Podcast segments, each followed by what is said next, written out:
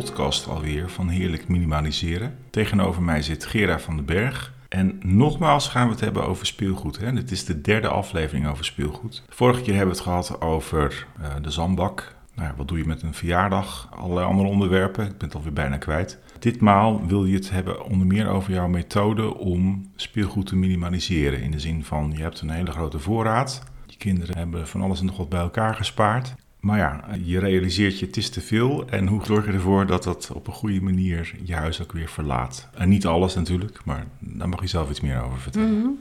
Ja, dat is een idee, een methode die ik heb ontwikkeld. Daar heb ik ook uh, vaak over geschreven in de tips op de site bijvoorbeeld. Je kunt het echt uitgebreid wel teruglezen. Ik zal het beknopt proberen uit te leggen, want het heeft natuurlijk veel meer dan dat ik nu zo even kan vertellen. Eigenlijk is het idee achter deze methode dat je gunt dat je kind lievelingsspeelgoed heeft. En hoe leuk is dat dat de slaapkamer van je kinderen gevuld is met lievelingsspeelgoed in plaats van gevuld is met allemaal speelgoed waar amper mee wordt gespeeld. Het principe van het mooiste speelgoed is geen speelgoed. Minder speelgoed geeft meer speelplezier. Nou, daar hebben we het al eerder over gehad. Dat is de basis onder deze manier van kijken en samen met je kind op pad gaan om eens te kijken naar het lievelingsspeelgoed. Dat is dus een andere manier van kijken dan te kijken samen met je kind. Hé, hey, wat kan er weg? Wat vind je niet leuk? Waar speel je niet mee? Want dat soort vragen zijn voor kinderen best heel moeilijk. En als je hiermee gaat beginnen en je kind heeft echt zo'n speelgoedparadijs met te veel speelgoed, dat vind jij dan als ouder, dan is het heel belangrijk om dat in je achterhoofd te hebben, dat je het omdraait en dat je dus niet gaat kijken, nou, er moet wat weg, maar waar speelt het kind wel mee? Wat is van waarde? Want dat is bij alles in het minimaliseerproces zo. Het gaat er uiteindelijk om dat wat je behoudt en niet dat wat je wegdoet. Dus het is een positief verhaal. Ja, het klinkt een beetje gek, maar... Ja. Ja. Het is inderdaad een positief verhaal. Dus als je het goed doet, kan je het heel positief brengen. Dat je zegt, we houden alleen maar over waar je gewoon super graag mee speelt. Ja, dat is precies de insteek. Realiseer je zeg maar dat dit proces natuurlijk, als je kind hier nog nooit samen met jou over heeft gehad. En jij wil ineens al dat speelgoed eigenlijk minderen, omdat jij als ouder denkt dat daar amper mee wordt gespeeld. Ja, je zal je kind daar wel zeg maar in voor moeten gaan en stapjes moeten maken. En al lerende, hè, ook dit is een leerproces. Je probeert het ook je kind te leren voor later. Dat het misschien na de eerste opruimronde voor jouw idee misschien. Ja, dat er nog wat dingen zijn waarvan jij denkt, ja, is dat echt het lievelingsspeelgoed van mijn kind? Weet je, dat geeft niet, want het is een proces. Je leert je kind elke keer kijken door de bril, wat is van jou voor waarde? Wat houd jij wel? En dat doe je eigenlijk heel speels. Voordat je hiermee verder gaat, ik, ik hoor je namelijk iets heel belangrijks zeggen. Ook van forceer het niet. Doe het niet te rigoureus. Nee, precies. Want, want laat je kind ook wennen aan het idee dat het dus ook weer afscheid moet nemen van dingen. Ja, en dat, dat niet uh, forceren en niet te rigoureus, dat is sowieso natuurlijk met minimaliseren het hele gezinsleven. Als je alleen met de spullen van jezelf te maken had, was het natuurlijk makkelijker voor je om keuzes te maken. Maar je bent samen bezig. Voor kinderen is ook dat een lerende omgeving, zoals alles in de opvoeding een lerende omgeving, een lerende plek is. En, uh, en dat is best wel eens lastig, dat ervaar ik ook wel, omdat je soms zelf als moeder denkt, hmm, het zou makkelijker zijn als ze nou ja. van sommige dingen wel afstand deden waarvan jij denkt, oh, waarom zou je dat in hemelsnaam bewaren? Ja, maar Laten, we, la, laten het beestje bij het naampje noemen. Nou ja, niet, niet echt, maar je hebt mensen die heel zwart-wit zijn. Mhm. En het is aan of uit. Dus het is veel of weinig speelgoed. Die zullen hier toch best wel een beetje mee moeten oefenen ook ja, zelf. ook zelf. Ja, en je kind uh, is misschien juist van uh, de niet aan uit en uh, van de tussenin. Ja, dan heb je een leuk dialoogje. En tegelijkertijd lijkt het mij, tenminste, dat je wel moet doorzetten als ouder. Ja, ik denk dat bij het houden van speelgoed waar niet bij wordt gespeeld en de hoeveelheid, we soms hele gekke uitzonderingen maken. Alsof dat allemaal maar kan, die hoeveelheid en het hebben en het nog meer vergaren. Terwijl ja, bij sommige dingen we heel duidelijk weten, vorige keer noemde ik dat ook, we kunnen in de opvoeding als het gaat om de snoeppot heel makkelijk beperken als ouders. Dan zeggen we nee, eentje van een uh, grote. En nou, van deze mag je er dan twee. Uh, dat idee. Dat is ook natuurlijk niet bij alle ouders zo, maar heel veel ouders kunnen daar prima ja, zich iets bij voorstellen. En bij speelgoed zijn we soms daarin anders, omdat het ook een manier van uitdrukken is dat je, ja, onze maatschappij leert ons bijna dat als je veel van je kind houdt, dan koop je het allerbeste en het allermeeste en veel speelgoed en verwennen is speelgoed. Ja, daar moet je ook een beetje van loskomen. Ook daarin mag je leren en... Precies wat jij nu zegt, Uh, ik ben ook opgevoed met het idee van, nou ja, veel is dan goed. Of daar zit ook een soort van verwennen in. Dat is misschien ook wel de regio waar we wonen, hè? daar hebben we het al een keer eerder over gehad. En daarom vond ik het helemaal niet zo'n aantrekkelijk idee om mijn kinderen iets te ontzeggen. Of dat wat ze nou net bij elkaar hadden verzameld, om daar dan weer vrij vlot afscheid van te nemen. Want dan, dan zijn ze nog maar een jaar of zes, zeven. En dan moeten ze afscheid nemen van speelgoed dat ze nog maar net hebben. En toch, dan komen we terug op waar we het de vorige uitzending ook over gehad hebben. Toch is het goed om het te doen, omdat je ze er uiteindelijk mee gaat helpen.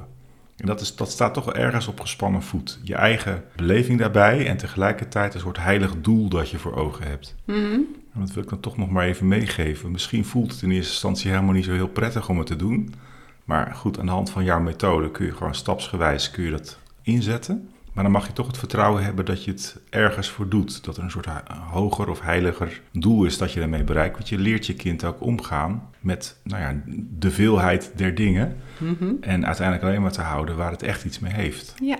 Ja. En weer dat idee van lievelingsspeelgoed staat voorop. Maar ook dus, ja, als je ziet dat je kind dan wel heel veel speelplezier heeft van iets minder speelgoed. Ja, daar wordt je kind blij van. Hé, hey, daar word je als moeder dan ook blij van. Ja, maar dat is wel een principe en, eh, dat niet meteen iedereen zal omarmen. Nee. Want dat moet je dus zelf ook ontdekken dat het voor jou ook werkt. En dat is, daar zit ook iets in. Als jij dat voor jezelf nog niet hebt ontdekt dat het voor jou zo werkt, dat je met minder spullen gelukkiger leeft, is dat misschien ook best wel lastig om aan je kinderen uit te leggen, toch? Nou, inderdaad. En daarom is ook het idee van minimaliseren begint natuurlijk niet bij het speelgoed. Dat begint, zoals we helemaal in het begin van de podcastreeks hebben uitgelegd, natuurlijk allereerst met dat je zelf eens gaat oefenen. En dat je dat proces zelf ingaat en dat je dat doet met je eigen spullen. En natuurlijk niet beginnen met het speelgoed van je kinderen. Daar zit al een heel proces aan vooraf voordat echt, je... Precies, want het moet echt bij jou van binnen uitkomen. Jij moet het zelf ook, als bijna als een soort discipel, hè, moet je dat evangelie kunnen verspreiden. Zo van, dit klopt, hier geloof ik in. Ja, je moet het ook zelf hebben ervaren dat het voordelen geeft. Want anders ben je natuurlijk met iets bezig. Als je zelf niet snapt waarom je het doet bij Nee. je spullen van jezelf. Ja, eh, zeker niet met dat speelgoed beginnen natuurlijk. Nee, echt Nee. met die kleine projecten jezelf oefenen. Maar goed, eh, we dwalen nog even af van het idee, hoe doe je dat dan, Ja, die methode? sorry, ja, ja. Ik heb gemerkt dat er een soort eh, manier is om dat te doen. Stel je voor, je loopt met je kind naar de slaapkamer en dan zeg je gewoon tegen je kind: hé, hey, moet je eens horen. Ik merk dat er heel veel speelgoed ligt. Zie jij dat ook? Ik denk dat het niet altijd prettig is dat er zoveel ligt dat jij lekker kan spelen. Nou, dikke kans dat je kind dat herkent. Dan maak je met je kind een afspraakje en zeg je: hé, hey, wat nou hè?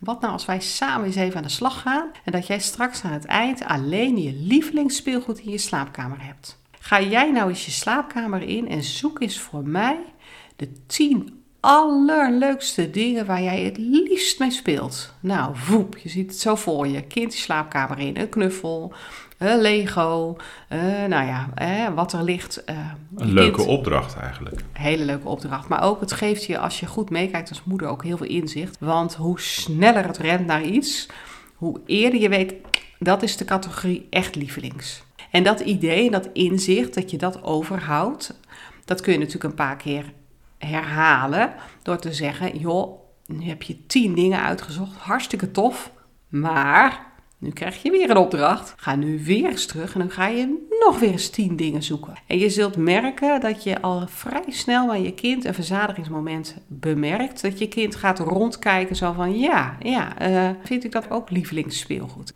Eigenlijk zeg jij hiermee dat jouw kind, hoe klein en hoe jong ook, in staat is om al heel kritisch naar zijn of haar spullen te kijken. Ja, je kind zelf zal het bijna niet doorhebben, maar je ziet in het gedrag van je kind dat het gaat zoeken naar, hé, hey, wat is nog meer heel leuk? En dan weet je al, daar zitten hem dus. Dus de aankomende dingen die nu gepakt worden, dat is misschien wel leuk speelgoed, maar is dat het lievelingsspeelgoed? Hmm. Nou, leuk speelgoed kun je ook in de eerste instantie bewaren. Dat geeft helemaal niks. Nou, en dat herhaal je dan een paar keer. En je zult ook merken, als je dat terugleest in de tips op de site, hè, staan er nog wel een aantal andere aspecten waar je rekening mee kan houden. Dat voert nu een beetje te ver om dat allemaal uit te leggen. Je zult al vrij snel merken dat je kind ja, dat verzadigingsmoment echt heeft bereikt. En dan kun je dus weer het gesprek aangaan door te zeggen: joh, ik zie je nu een beetje rondkijken. Is dit dus alles waar je het liefst mee speelt? Nou, hartstikke mooi. Zullen we er dan gewoon eens voor zorgen dat we de rest of tijdelijk wegdoen in die opbergbox waar we het over hebben gehad? Tijdelijk even parkeren. Of uh, zijn er ook dingen die je gewoon echt wil weggeven, omdat andere kinderen er misschien wel hartstikke blij mee zijn? Kun je ook nog eens een gesprekje voeren over acties. Nou, je kent het misschien wel rond de Sinterklaastijd, uh, de schoenendoosactie, dat je kinderen, of van de voedselbank, dat je kinderen die het wat minder hebben, een gedeelte van je speelgoed geeft. Nou, daar kun je ook nog eens een gesprekje over hebben. En dan haal je dus dat overtollige speelgoed tijdelijk of permanent weg. Dat is maar net hoe snel je kind die keuze ook kan maken. En dan zet je dus het lievelingsspeelgoed gewoon terug. En eigenlijk voorkom je ermee dat er heel veel emotie ontstaat rondom speelgoed, rondom keuzes. Want het lievelingsspeelgoed is daar al uit. Dat is al ja, veiliggesteld. Zeker. En bij twijfel is het lievelingsspeelgoed. Want we gaan niet lopen pieten over, nou is het nou wel of niet. Nee, nee we gaan uh, niet forceren, hadden we nee. gezegd. Nee. Ja. Dat werkt gewoon. Laten we het even concreet maken bij bijvoorbeeld knuffels. Hè? Daar heb je ook een soort voorbeeld over. Ja, knuffels is, dat is wel een categorie. Hè? Ik weet ook wel dat onze jongens echt enorm veel knuffels hadden. Ook omdat knuffels ook qua spaaracties overal bij zaten. En in het begin geboorteknuffels. Weet je nog dat ze dat in die grote rode ton ook hadden? Ja, uh, knuffels zijn natuurlijk in wezen qua spel heel erg waardevol. Knuffels dienen als uh, medekinderen tijdens het uh, schooltje spelen of wat dan ook. Dus hartstikke leuk. Knuffels hebben een emotionele binding natuurlijk met de kinderen.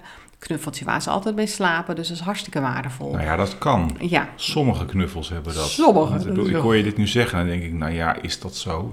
klinkt bijna als een overdrijving, maar dat geldt inderdaad voor een aantal knuffels, maar voor heel veel andere knuffels niet. Nee, en ik denk, het zal je verbazen hoeveel knuffels een gemiddeld kind heeft. Dat is wel een leuke.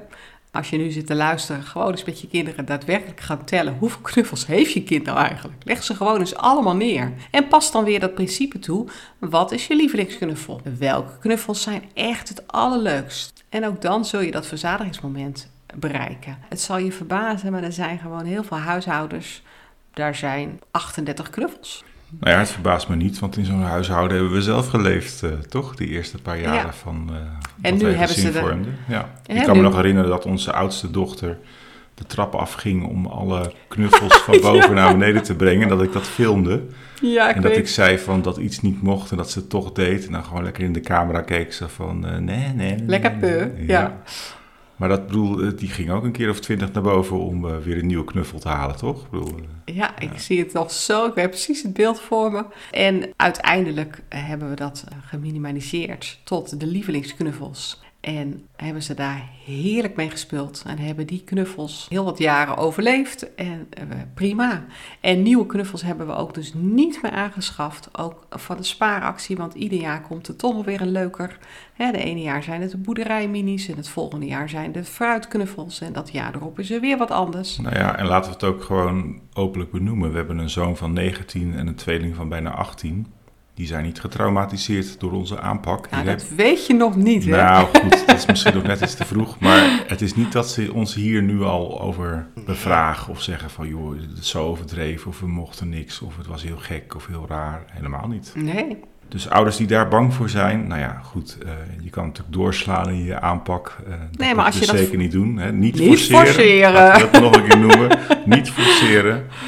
Maar uh, wees ook niet te, te voorzichtig, want nou, bij kinderen is ook wel een zekere rek, bepaalde flexibiliteit. Ja.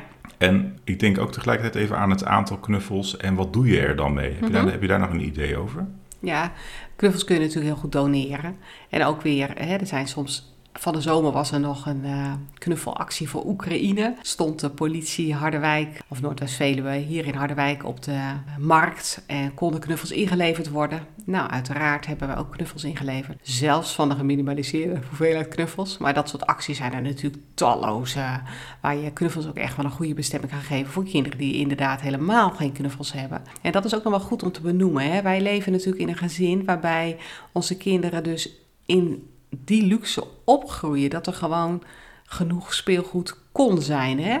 Ja, ook wel even goed om te noemen dat dat natuurlijk ook lang niet alle gezinnen zo is. Hè? Wij praten vanuit de overvloed. Nou ja, het feit dat er een actie schoenendoos bestaat of kinderen van de voedselbank uh, een speelgoed box aangeboden krijgen. Dat geeft natuurlijk ook wel aan hoeveel problemen er ook zijn. En uh, hoe je ook heel fijn daar wat aan kunt schenken zonder een soort weldoener te zijn hoor, alsjeblieft. Dat, dat bedoel ik er niet mee. maar er is een goede bestemming. Dat er is een goede bestemming, doneren, ja. Ja, want wij komen ook nog wel eens in een kringloopwinkel. En daar heb je ook altijd een afdeling speelgoed. Waar ook wel knuffels en andere speelgoed uh. Ja. attributen liggen. Ook een hele mooie plek om, dat, om het daar te doneren. Want daar komen ook kinderen die soms weinig te besteden hebben. Ja, en het is ook leuk om eens te kijken naar een site waar je speciaal knuffels op zet. Kijk, het hondje wat je kind niet meer gebruikt om mee te spelen, kan wel toevallig het bed lievelingsknuffeltje zijn waar een ander kind elke nacht mee slaapt. En er is een website, ik weet even zo de naam, niet meer uit mijn hoofd, maar als je erop googelt kom je er vast. Daar kun je dus knuffels vinden en opzetten als het gaat om, hé, hey, ik ben mijn slaapknuffel in de dierentuin kwijtgeraakt. Heeft iemand nog die en die Oh ja. hond? En dat is ook een hele goede om daar knuffels eh, op aan te bieden. Zodat je dus ook kinderen echt specifiek helpt. En dan bied jij jouw exemplaar aan. En dan is dat, lijkt dat of is precies hetzelfde Precies als hetzelfde. de knuffel die zij eigenlijk nodig ja, hebben. en dan krijgt Ja. het zo een tweede leven. Ik zit nog even te denken aan jouw moeder met de Tupperware ton met speelgoed. Een speelgoed Mhm. van 50 jaar oud, waar onze jongste nog steeds mee speelt. Kan je daar nog iets over zeggen?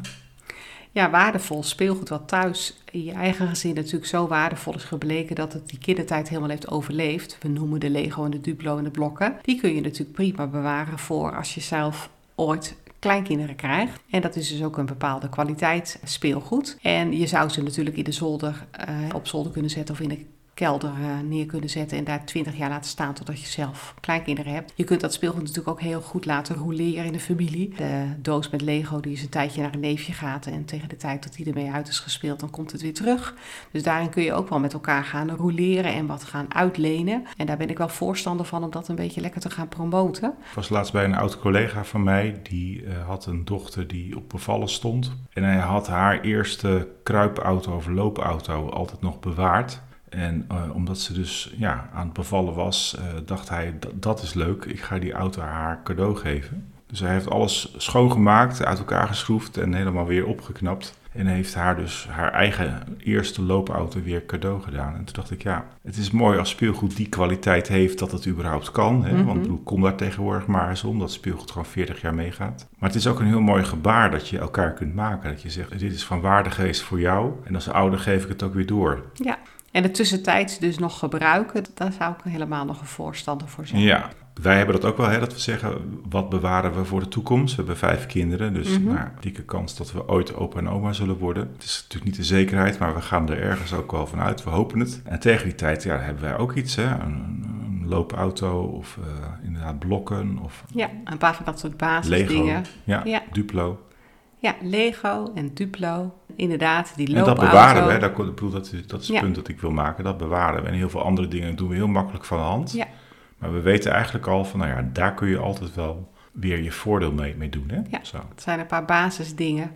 Nou, er valt nog heel veel te zeggen over speelgoed. Ik kijk even op mijn lijstje, want we maken altijd een lijstje met onderwerpen. Er staan nog wel een paar dingen op. Maar eh, volgens mij moeten ze ook maar gewoon het boek lezen dat je hebt geschreven in de Ja. tijd. Hè? Er staat een heel hoofdstuk over speelgoed in. Dus Ja. dat, eh, En wat je zei, de site heeft ook heel veel tips. eh, ja, dat is wel erg leuk om nog even te noemen. Want ook op de site van Heerlijk Minimaliseren kun je bij tips ook in het archief van de tips lekker grasduinen. Mhm. Dus eh, nou, er staan, ik geloof, 800 tips. Daar is genoeg te vinden, toch? Ja. en zeker als je klikt speelgoed minimaliseren. En met zweet op het voorhoofd kijk ik even naar de klok en denk ik, waar, waar gaan we het de volgende keer over Ja, hebben? dat is een goeie. Want drie keer speelgoed is scheepsrecht. Ja, hè? dat is wel genoeg even, hè? Maar ja, misschien is wel een heel deel van onze luisteraars afgehaakt. Dat zou wel jammer zijn Hmm, natuurlijk. ja, dat- Nou, weet je wat ik ook wel leuk zou vinden? Om eens te kijken hoe we dat doen met bijvoorbeeld in de badkamer. Oké, spreek je dan. Joe.